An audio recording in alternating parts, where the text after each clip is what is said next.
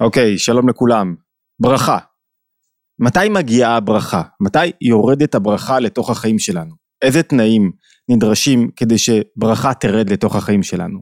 לפעמים זה מרגיש שהכל בסדר, חסר לנו רק את הברכה, שהדברים יסתדרו כמו שצריך, שמשהו יקרה, זה מרגיש כאילו זה לא זז, משהו תקוע, חסרה לנו הברכה, הדחיפה קדימה. לפעמים גם המצב למשל מבחינה כלכלית נהדר, דברים הולכים כמו שצריך, אבל אין ממש ברכה בכסף.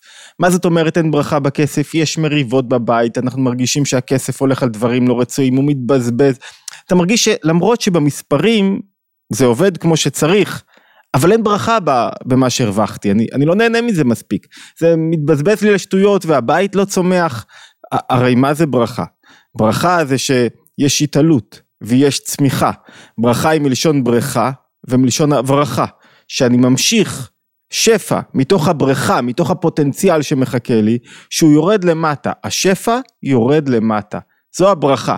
ואו שאני מוריד לעצמי את הברכה, או שמישהו עוזר לי להוריד את הברכה, אבל השפע לפעמים תקוע לי. לפעמים הוא תקוע לי במובנים שאני לא מתאר לעצמי אפילו, כמו שאין ברכה במבנה הזוגי. אז, אז הכל יכול ללכת כמו שצריך, אבל זה עדיין כאילו אין עוצמה בתא הזוגי, אז אני מרגיש שאני יוצא לעולם ומשהו חסר לי. גם אם דברים אחרים מסתדרים לי, חסר לי בעיקר, בנחת רוח, בזוגיות, או בהורות, או עם הילדים, חסרה לי הברכה. אז מתי נמשכת הברכה למטה, ומה הם התנועים, התנאים על פיהם נמשכת הברכה, ומה אנחנו צריכים לעשות כדי שהברכה תרד למטה. כדי לפתור את השאלה הזאת, לפחות משלושה ארבעה היבטים, בואו ניכנס רגע למשנה במסכת תענית. המשנה במסכת תענית שואלת מתי יורדים הגשמים, זאת אומרת מתי צריכים לבקש כבר שירד גשם, מתי הגיע הזמן שירד גשם, מתי שואלים על הגשמים. ויש איזה דיון קטן והרבן גמליאל, וכך נפסק, כך נוהגים בפועל, אומרים שואלים על הגשמים מתי? ט"ו תשעה, חמישה עשר ימים אחרי חג הסוכות. מה אנחנו שואלים על הגשמים? למה דווקא במועד הזה? עד שיגיע אחרון שבישראל לנהר הפרת, למקום מושבו בנהר הפרת. זאת אומרת, אנחנו מחכים חמישה עשר יום אחרי חג הסוכות, ורק וגם בתוך הזמן הזה יש איזה ממד כאילו אנחנו קשורים בתוך חג הסוכות. 15 יום אחרי חג הסוכות ממתינים ורק אז מבקשים, שואלים שירד גשם, מתעוררים מלמטה, שאומרים שהברכה תרד למטה. גשם כמובן הוא גם כפשוטו.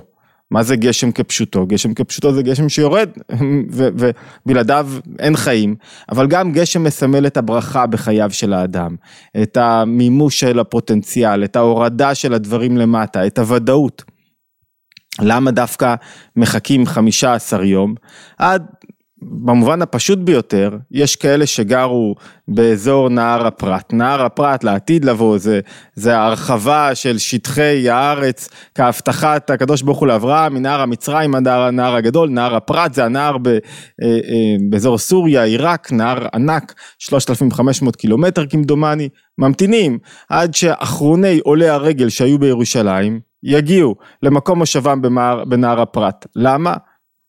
באופן הפשוט כדי שלא ירד עליהם גשם, כדי שהם לא יתרטבו. אבל יש כמובן אופן עמוק יותר, שקשור לתנועה, לתנועה שהאדם באמצעותה מבקש ברכה לתוך חייו. אז בואו נתחיל וננסה לבדוק כמה זוויות ראייה על פי אה, שיחה של הרבי מלובביץ', השיחה אני אתן את המקור שלה באתר התבוננות, בכלל מקורות עולים לאתר התבוננות, תמיד מי שמחפש בדרך כלל בתחתית הוידאו או הקובץ שמע, היכן שאתם שומעים, יש לינק לאתר, לינק לדף המידע ששם יש את המקורות על הנושאים שעליהם אנחנו מדברים. טוב, מהם התנאים להורדת הברכה והשפע? על פי שאלת הגשמים בזין מר חשוון. תנאי ראשון, זה נראה שהאדם חוזר פתאום, אנחנו חוזרים מאירוע, חוזרים ממשהו גבוה שחווינו, מחגים, חוזרים העולים לרגל למקום מושבם. כמובן, המשנה פה לא מדברת בצורה היסטורית, היא מדברת על החוויה שכל אדם צריך לחוות. אז נראה לו שכאילו אתה יורד למטה, אחרי שחזרנו ממקום גבוה, מהתעלות, מאירוע חברתי, ממפגש, עולי הרגל הגיעו למקום הכי גבוה שיש, הגיעו למפגש, נראו בפני השם, לראות פני השם אלוקיך שלוש פעמים בשנה, עמדו בפני הבורא בבית המקדש, ועכשיו הם חוזרים הביתה, לעבודות היומיומיות, השגרתיות, הזריעה, הקצירה, החרישה. אז אומרים להם, מתי הברכה מגיעה? לא כשאנחנו בתנועה של התעלות, דווקא כשאנחנו חוזרים הביתה, לעשייה היומיומית, לחרישה, לזריעה, לקצירה, לעבודות יומיומיות.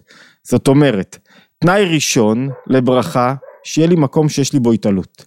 מקום שבו אני שואב כוחות, מקום שבו אני מתרומם קצת, כמו החגים, כמו העלייה לבית המקדש, מקום שבו אני שואב כוחות ואני מתמלא, אם האדם לא מתמלא הוא לא יכול להוריד שום דבר למטה. תנאי שני להורדת הברכה, זה שאני עושה, מכין כלים בגשמיות, אמיתיים, ממשיים, מעשיים, עושה פעולות יומיומיות. אמרנו חורש זורע קוצר, אמרנו כל יום עושה משהו, רק כשאני, זאת אומרת מצד אחד יש לי תנועה של התעלות, של לימוד, של התפתחות, של שמחה, שממנה אני לוקח כוחות. מצד שני הכוחות חייבים לרדת למטה, לפגוש את המציאות, לרדת לתוך עולם של מעשה, לכן מחכים עד שכל אחד מבני ישראל יחזור למקום מושבו, כל אחד מדרי הארץ יחזור למקום מושבו ושם כשהוא חוזר לארץ שם הוא יתחיל לעשות בפועל, זאת אומרת שני תנאים ראשונים, אחד זה שתהיה התעלות, תהיה עלייה מעלה, תנאי שני זה שתהיה ירידה מטה. שאדם פועל ועושה, ואנחנו צריכים את התנועה הזאת של רצו בשוב בתוך הנפש שלנו. רגעים וזמנים שבהם אני בשקט, לומד, שמח, מתעלה, לא עסוק בעניינים גשמיים כל כך, לא עסוק בענייני העולם, בעבודה, בקריירה, בפרנסה, עניינים שבהם אני לומד, מתפתח, צומח, ואז אני לוקח את העקרונות, את הרעיונות, את הכוחות שלמדתי, שהתפתחתי, שחוויתי, לוקח ומוריד אותם מטה, לתוך עולם מעשה, זאת אומרת שאני חייב שיהיה לי תחומים שבהם אני פועל, שבהם אני יוצר, שבהם אני חורש, שאני עובד בהם, בלי כלי עבודה, בלי להוריד למטה, בלי גשמיות, אין ברכה. הברכה יורדת אחרי שחרשנו. אחרת אם יש ברכה והיא יורדת אם יורד גשם ולא חרשנו ולא זרענו, לא יצמח כלום. יצמח שדה בור, לא יצמח שדה באמת של, של מטעמים, של אה, פירות, ירקות, של כל מה שאנחנו רוצים, כל מה שזרענו, לא יצמח, זאת אומרת חייבים לעשות את העבודה שלנו מלמטה. נקודה שלישית, שעוזרת לנו להבין מתי תרד הברכה. למה הרי דווקא שואלים על הגשמים בזין מר חשוון? יש דעה שאומרת שבשלישי למר חשוון, הרי רוב הארץ, רוב העם, הגיעו למקומם יום, יומיים, שלושה, אחרי חג הסוכות. מה זאת אומרת? הם הזדרזו, סיימו את החג, חזרו הביתה.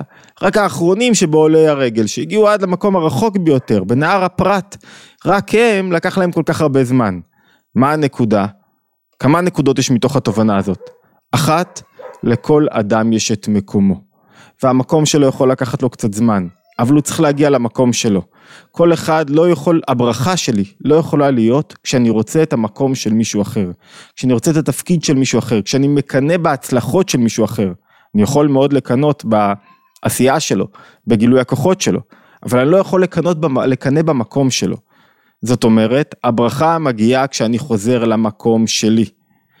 ורק כשאני חוזר למקום שלי ואני יודע שהמקום שלי הוא לפעמים רחוק מירושלים, מירושלים נהר הפרת הוא המקום הרחוק ביותר, מרכז ההתרחשויות, תחשבו על ירושלים כמרכז הסואן ביותר של ההתרחשות, מי שגר ליד ירושלים גר ליד הכרך הגדול, הוא תל אביבי.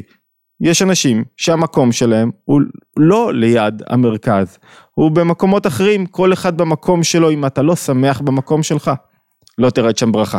אתה לא שמח, אם את לא שמחה, לא מרוצה מהמקום שלי, לא רואה את האיכויות, לא משתוקק לחזור אליו, לא תגיע ברכה.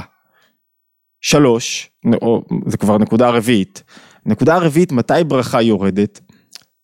יש כאלה שעדיין גרים ליד ירושלים, למה הם לא שואלים על הגשם? למה מחכים רק עד זין מר חשוון שהאחרון שבישראל יגיע? האחרון שבישראל זה אפילו הפחות שבישראל, לא רק מי שגר רחוק. למה? כי כשיש ערבות, כי התנאי לברכה זה ערבות הדדית. לא יכול להיות שאדם יהיה לו טוב ויהיה שמח, הרמב"ם אומר את זה בפורים ובעוד הזדמנויות ובפסח, לא יכול להיות שאדם יהיה לו טוב ויהיה שמח ויאכל וישתה ולידו השכנים שלו יחיו במצוקה ולא ימצאו את מקומם. אתה לא יכול לבקש על גשם כשאתה מוכן ולשכן שלך הרי עדיין לא מוכן והשכן שלך אתה לא חושב עליו. הוא עוד לא זרע, הוא עוד לא הגיע למקומו. יש ערבות ואחריות הדדית. זאת אומרת, כולנו ביחד בונים את המרקם הזה, את, ה, את, ה, את מבנה החיים הזה, העושר של כל אחד מאיתנו. תלוי בעושר של האחר. הברכה של כל אחד מאיתנו תלויה בברכה של האחר. לא יכול לקרוא, להיות שיקרה איזה מעשה נורא, מקרה נורא למישהו באזור אחר של הארץ, או של המדינה, או של העולם, ואני זה, זה לא נוגע בי אפילו, זה לא מזיז לי, אין לי אחריות, אין לי מעורבות, זה משהו לא זז בי. לא תמיד אני יכול לעשות משהו, אבל משהו לא זז בי, לא, אין לי איזה נקודה שזרקו אבן על מכונית ב, ב, בשומרון. משהו צריך לזוז בי, משהו צריך לגעת בי. לא יכול להיות שזורקים ככה אבן וזה לא נוגע בי. עזבו רגע את הפתרון, משהו צריך לגעת בי. זאת אומרת, ברכה יורדת כשיש ערבות ואחריות הדדית, וכשאתה מרגיש את האחר, וכשהוא חשוב לך. והנקודה האחרונה, החמישית, אמרנו, דיברנו על כמה נקודות שהן תנאי לברכה. אחת, מקום של התעלות, עלייה, צמיחה, לימוד, שמחה, שממנה לוקח כוחות. שתיים, ירידה למטה, כלי גשמי, חייבים לעשות כל יום מעשה אחד. זה, זה גם האמירה הראשונה שאומרים למי שסובל מאיזה קושי או התמודדות, עזוב עכשיו חזון גדול ורעיונות גדולים, תפוס עניין אחד, כל יום משהו אחד, תעשה אותו, תתמקד בו, אל תסתכל על אחרים ועל ההצלחות שלהם. כל יום עניין אחד זה מרפא את הנפש וזה צומח לאט לאט. שלוש אמרנו, כל אחד צריך לחזור למקום שלו. אני לא צריך יכול לבקש את המקום של מישהו אחר, אני צריך לחזור למקום שלי. ארבע אמרנו, ערבות ואחריות הדדית. אנחנו ממתינים עד שאחרון שבישראל יגיע לנהר פרת. כולנו תלויים זה בזה. רק שכולם, כל אחד במקום שלו, אפשר לבקש על הגשמים. חמש, צריכים לצאת לכל הכיוונים. מה זאת אומרת נפוצו לכל הכיוונים? בכל מקום יש עבודה של הפצת הרוחניות בתוך הגשמיות, של הפצת הטוב בתוך עולם שהטוב והרע מעורבב בו. בכל מקום יש לנו מה לעשות. כשכולנו מקובצים במקום אחד, אנחנו לא עושים את זה. כשכל אחד מחפש מקום מסוים, להשפיע בו. מה זאת אומרת מקום להשפיע בו? זה יכול להיות אפילו ב, ב, באותו בית, כל אחד יש לו זירה אחרת. זה מתקשר במובן מסוים, לכל אחד מוצא את המקום שלו. כשאני יודע שיש לי פה תפקיד, ולהוא יש פה תפקיד, ולכל אחד יש את התפקיד שלו, והתפקיד שלו, שלי לא גבוה, לא נעלה יותר מהתפקיד של מישהו אחר, זה התפקיד שלי. כשאנחנו נפוצים לכל הכיוונים, אז נמשכת הברכה. למה? כי אנחנו אומרים שאנחנו לא מתרכזים במקום אחד, הברכה יורדת לכל המקומות. וכשאנחנו פועלים באופן הזה, כשפועלים ממש יורדים לעולם הגשמי למעשה, כשיש לנו התעלות למעלה, כשאנחנו עושים את כל הפעולות הללו יורדת ברכה בכל ההיבטים שלה, בבני, חיי ומזוני, בילדים, בני, חיי, בריאות, רפואה ומזוני, פרנסה. מזכיר לכולם להירשם לערוץ התבוננות, אנחנו מתחילים שתי תוך... אמ, שתי תוכניות, אחת מתחיל בקרוב קורס שנפרסם אודותיו באתר התבוננות על מבוא למבנה הנפש, יש ביקוש שהולך וחוזר, חוזר והולך להבין בצורה שיטתית מבנה הנפש, עשינו כמה קורסים כאלה בעבר, אנחנו פותחים קורס חדש באופן שונה שמתחיל מבוא למבנה הנפש שבו יהיה לימוד שיטתי וסדור למי שרוצה, אה, הלימוד יהיה בזום, אחת לשבוע, נפרסם בקרוב את כל הפרטים, מוזמנים להצטרף, כמובן עבור מנויי אתר התבוננות הקורס יהיה פתוח באופן חופשי, ונקודה שנייה, אמ, אמרנו חוץ מלהירשם לערוץ והודעות תמיד נשלחות בתוך, אה, ההודעות תמיד נשלחות בוואטסאפ, בקבוצות הוואטסאפ, הודעה נוספת היום. אני לא יודע מתי אתם רואים, כל אחד רואה את הסרטון מתי שהוא רוצה, אבל אנחנו נעשה לימוד אה, גם בזום על אה, תכלית הבריאה. מי שרוצה ושומע את, ה, את השיעור הזה לפני השעה שמונה וחצי בערב, מוזמן להצטרף, ואם לא, השיעור הזה יעלה לאחר מכן אה, לערוצים השונים. תודה ולהשתמע בהדמות היומית הבאה.